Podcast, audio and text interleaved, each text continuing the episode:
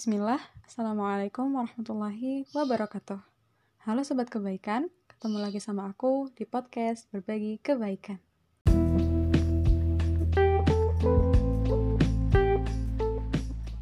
Oke teman-teman, di sini aku mau cerita, cerita terus ya. aku mau cerita mengenai sosok yang ya, luar biasa banget ahlaknya. Ahlaknya tuh sempurna banget. Pokoknya akhlak beliau itu tuh patut banget untuk ditiru, untuk diteladani. Karena akhlak beliau tuh sempurna, bener-bener kejujuran beliau, kemudian uh, amanah beliau, amanah banget gitu dalam mengerjakan uh, berbagai hal gitu ya. Terus juga beliau tuh cerdas banget. Terus kesabaran beliau juga, pokoknya ah, masya Allah banget masya Allah banget. Nggak ada ahlak yang sesempurna beliau. Kita tuh nggak ada apa-apanya kalau dibandingin sama beliau.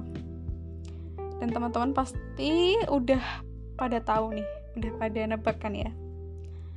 Ya beliau adalah baginda Nabi Shallallahu Alaihi Wasallam. Ada suatu kisah ya secuplik kisah gitu. Waktu itu malam hari di situ Allah uh, memerintahkan Nabi kita Shallallahu Alaihi Wasallam untuk berhijrah ke Yastrib Madinah. Sebelum itu beliau uh, minta tolong sama Ali buat menggantikan posisi beliau di tempat tidur karena di luar orang-orang Quraisy itu pada uh, ngepung ya rumahnya Rasulullah. Tapi sebelum beliau pergi, beliau nih pesan nih sama Ali untuk mengembalikan barang-barangnya orang Quraisy ke mereka ya. Pokoknya barang-barang titipan orang Quraisy tuh disuruh kembaliin gitu. Karena waktu itu orang-orang Quraisy tuh masih nitipin uh, harta bendanya ke, ke Nabi Shallallahu Alaihi Wasallam. Nah dari sini nih uh, aneh banget ya. Di satu sisi orang-orang Quraisy itu nggak percaya ya sama kerasulan Nabi Muhammad SAW. Tapi di sisi lain mereka ini masih mempercayakan harta bendanya kepada Muhammad. Aneh kan? Mereka ini labil banget gitu. Jadi dari peristiwa ini kita bisa belajar kalau Rasulullah itu emang jujur banget. Sangat menjunjung tinggi kejujuran alias sidik ya. Jadi uh, menjaga banget gitu sifat kejujurannya. Juga amanah juga kan. Nah dalam Islam sifat sidik ini memang menjadi salah satu sifat yang harus ada ya pada diri seorang muslim. Dalam sebuah hadis tuh Rasulullah bilang kalau seorang pedagang yang jujur itu seperti seorang yang berjihad di jalan Allah jadi kalau misalkan kita pengen jihad visabilillah gitu ya ya monggo jadi pedagang tapi dengan catatan pedagang atau pengusaha yang jujur dan amanah Nah, karena pentingnya sifat kejujuran ini tuh Rasulullah juga sampai melarang orang-orang tuh bercanda, tapi bercandanya bohong. Jadi Rasulullah tuh bilang kalau celaka, celaka dan celaka orang yang membuat orang lain tertawa tetapi dengan cara berbohong.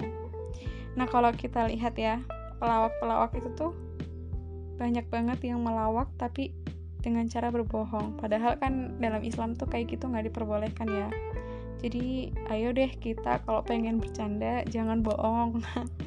Jadi diusahain banget jangan bohong gitu ya. Tapi apakah seorang muslim itu benar-benar nggak boleh bohong sih gitu? Nggak juga.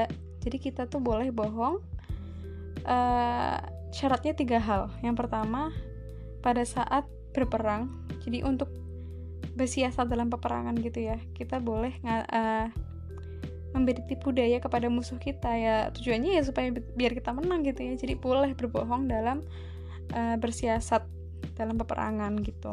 Terus yang kedua adalah mendamaikan dua orang yang sedang berkelahi jadi kalau misalkan ada saudara kita yang lagi berantem, kita boleh tuh bohong untuk mendamaikan mereka. Misalkan aku punya temen A sama B yang lagi berantem, terus aku uh, ngomong sama si A kalau si B tuh sebenarnya pengen baikan cuman mungkin gengsi gitu ya. Atau aku bilang sama si B kalau misalkan A tuh pengen baikan cuman karena malu atau uh, kenapa gitu ya. Terus akhirnya mereka baikan kayak gitu boleh jadi kita berusaha mendamaikan dua saudara kita yang lagi berantem. Tapi kalau dalam konteks pacaran gimana nih? Pacaran terus habis tuh pacarnya ngambek apa kita boleh ya berbohong untuk mendamaikan mereka? Kalau dalam konteks ini dari pacaran sendiri aja udah dilarang ya dalam uh, agama Islam. Allah nggak suka hubungan uh, di luar hubungan yang halal gitu. Jadi ya janganlah ya ini dipakai aja buat saudara kita. Misalkan fulanah sama fulanah lagi berantem atau fulan sama fulan lagi berantem kayak gitu. Terus yang ketiga adalah bohongnya suami terhadap istrinya dengan tujuan untuk mengharmoniskan rumah tangga. Jadi contohnya uh, ketika istri masak misal terus gosong masakannya.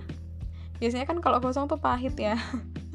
Tapi uh, suaminya ya uh, menikmati makanannya uh, memuji makanannya. Ya meskipun rasanya pahit atau keasinan gitu tetap memuji kayak gitu. Ya menjaga perasaan istrinya lah gitu. Begitu pula istri istri juga harus pandai-pandai menjaga perasaan suaminya.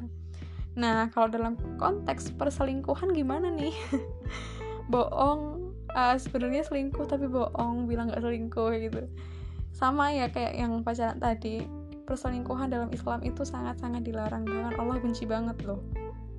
Jadi sebaiknya jangan dipakai untuk konteks yang buruk gitu.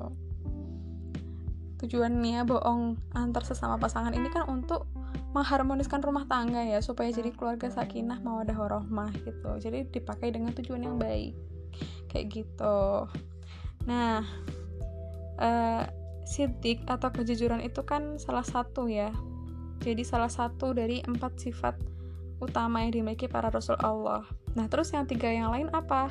Sifat yang lain itu ada amanah dapat dipercaya. Terus fatonah cerdas dan kemudian tablik menyampaikan. Dan semua rasul tuh pasti punya sifat-sifat ini karena emang uh, ini sifat utamanya para rasul ya. Terus mengenai kecerdasan nih Rasulullah tuh cerdas banget. Ada satu kisah yang jadi bukti kalau Rasulullah ini emang orang yang sangat cerdas ya jadi waktu itu Rasulullah belum diangkat jadi rasul di situ ada peristiwa ketika tokoh-tokoh Quraisy itu rebutan pengen uh, meletakkan Hajar Aswad karena pada saat itu tuh lagi ada perbaikan Ka'bah. Nah, pas mau naruh Hajar Aswadnya, pemuka Quraisy tuh saling uh, mengakui dirinya yang paling pantas gitu ya untuk meletakkan batu tersebut. Ya, maklum aja sih mereka rebutan. Soalnya uh, kayak sebagai kayak menjadi sebuah kehormatan gitu kalau misalkan bisa meletakkan Hajar Aswad ke Ka'bah.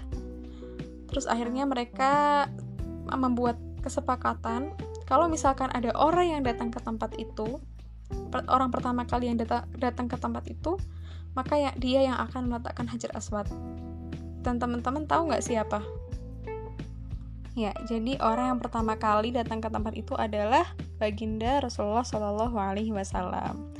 Mereka semua lega nih para pemuka Quraisy. Ya karena yang datang adalah orang yang mereka kenal. Orang yang mereka kenal dan orang itu berakhlak mulia gitu. Nah, tapi apakah uh, mentang-mentang udah dikasih kesempatan buat naruh hajar aswad, lantas Rasulullah ini tuh meletakkan hajar aswadnya gitu? Ternyata enggak ya. Jadi beliau ini pengen menyatukan pemuka Quraisy dan menghormati mereka semua. Dan akhirnya Rasulullah ini naruh hajar aswadnya tadi di sebuah sorban gitu di atas sorban teman-teman tahu kan ya sorban yang biasa dipakai laki-laki itu nah kemudian Rasulullah meminta kepada setiap ketua kabilah untuk memegang sorbannya jadi ujung-ujung sorbannya ini disuruh megang sama ketua kabilah kemudian eh, mereka semuanya bareng-bareng bawa hajar aswad tadi ke Ka'bah. Jadi sampai di Ka'bah baru Rasulullah naruh Hajar Aswadnya di tempatnya semula. Dengan begitu berarti Berarti yang bawa Hajar Aswad tadi nggak cuma satu orang dong, tapi semua ketua kabilah akhirnya bawa Hajar Aswadnya lewat sorban tadi.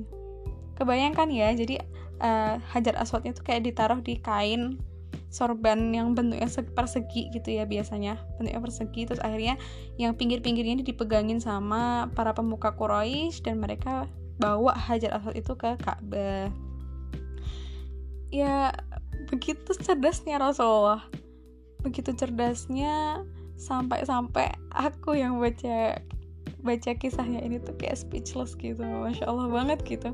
Dan para ahli sirah nabawi pun juga ini apa mempercayai kecerdasan beliau. Maksudnya tuh kayak iya Rasulullah tuh cerdas gitu. Cerdas saat menjadi pemimpin pemerintahan cerdas ketika memimpin rumah tangga dan cerdas di saat peperangan juga pokoknya kecerdasan Rasulullah itu di segala sisi kehidupan tuh udah terbukti ya jelas lah ya uh, Rasulullah tuh cerdas ya karena Rasulullah ini utusannya Allah gimana bisa membimbing umat manusia kalau misalkan nggak punya kecerdasan, ya kan? Jadi ini inilah keistimewaan yang dikasih Allah kepada setiap rasulnya. Semua sifat utama ini terangkum dalam dua kata. Apa itu? Akhlak mulia. Bahasa kerennya ya akhlakul karimah gitulah ya. Jadi uh, kita udah tahu nih uh, akhlak-akhlak mulianya Rasulullah dari mulai kejujuran, terus amanah, kemudian cerdas. Ya pokoknya kalau mau mengidolakan seseorang di dunia ini tuh yang pantas diidolakan cuman Rasulullah Shallallahu Alaihi Wasallam. Fix no debat. Oke mungkin cukup itu dari aku uh, kali ini dan maaf banget kalau ada banyak-banyak salah kata. Jadinya ceritanya panjang banget dan semoga ini bisa jadi uh, bermanfaat ya buat aku, kamu, dan juga kita semuanya. Sekian, wassalamualaikum warahmatullahi wabarakatuh. Semangat pada berkebaikan.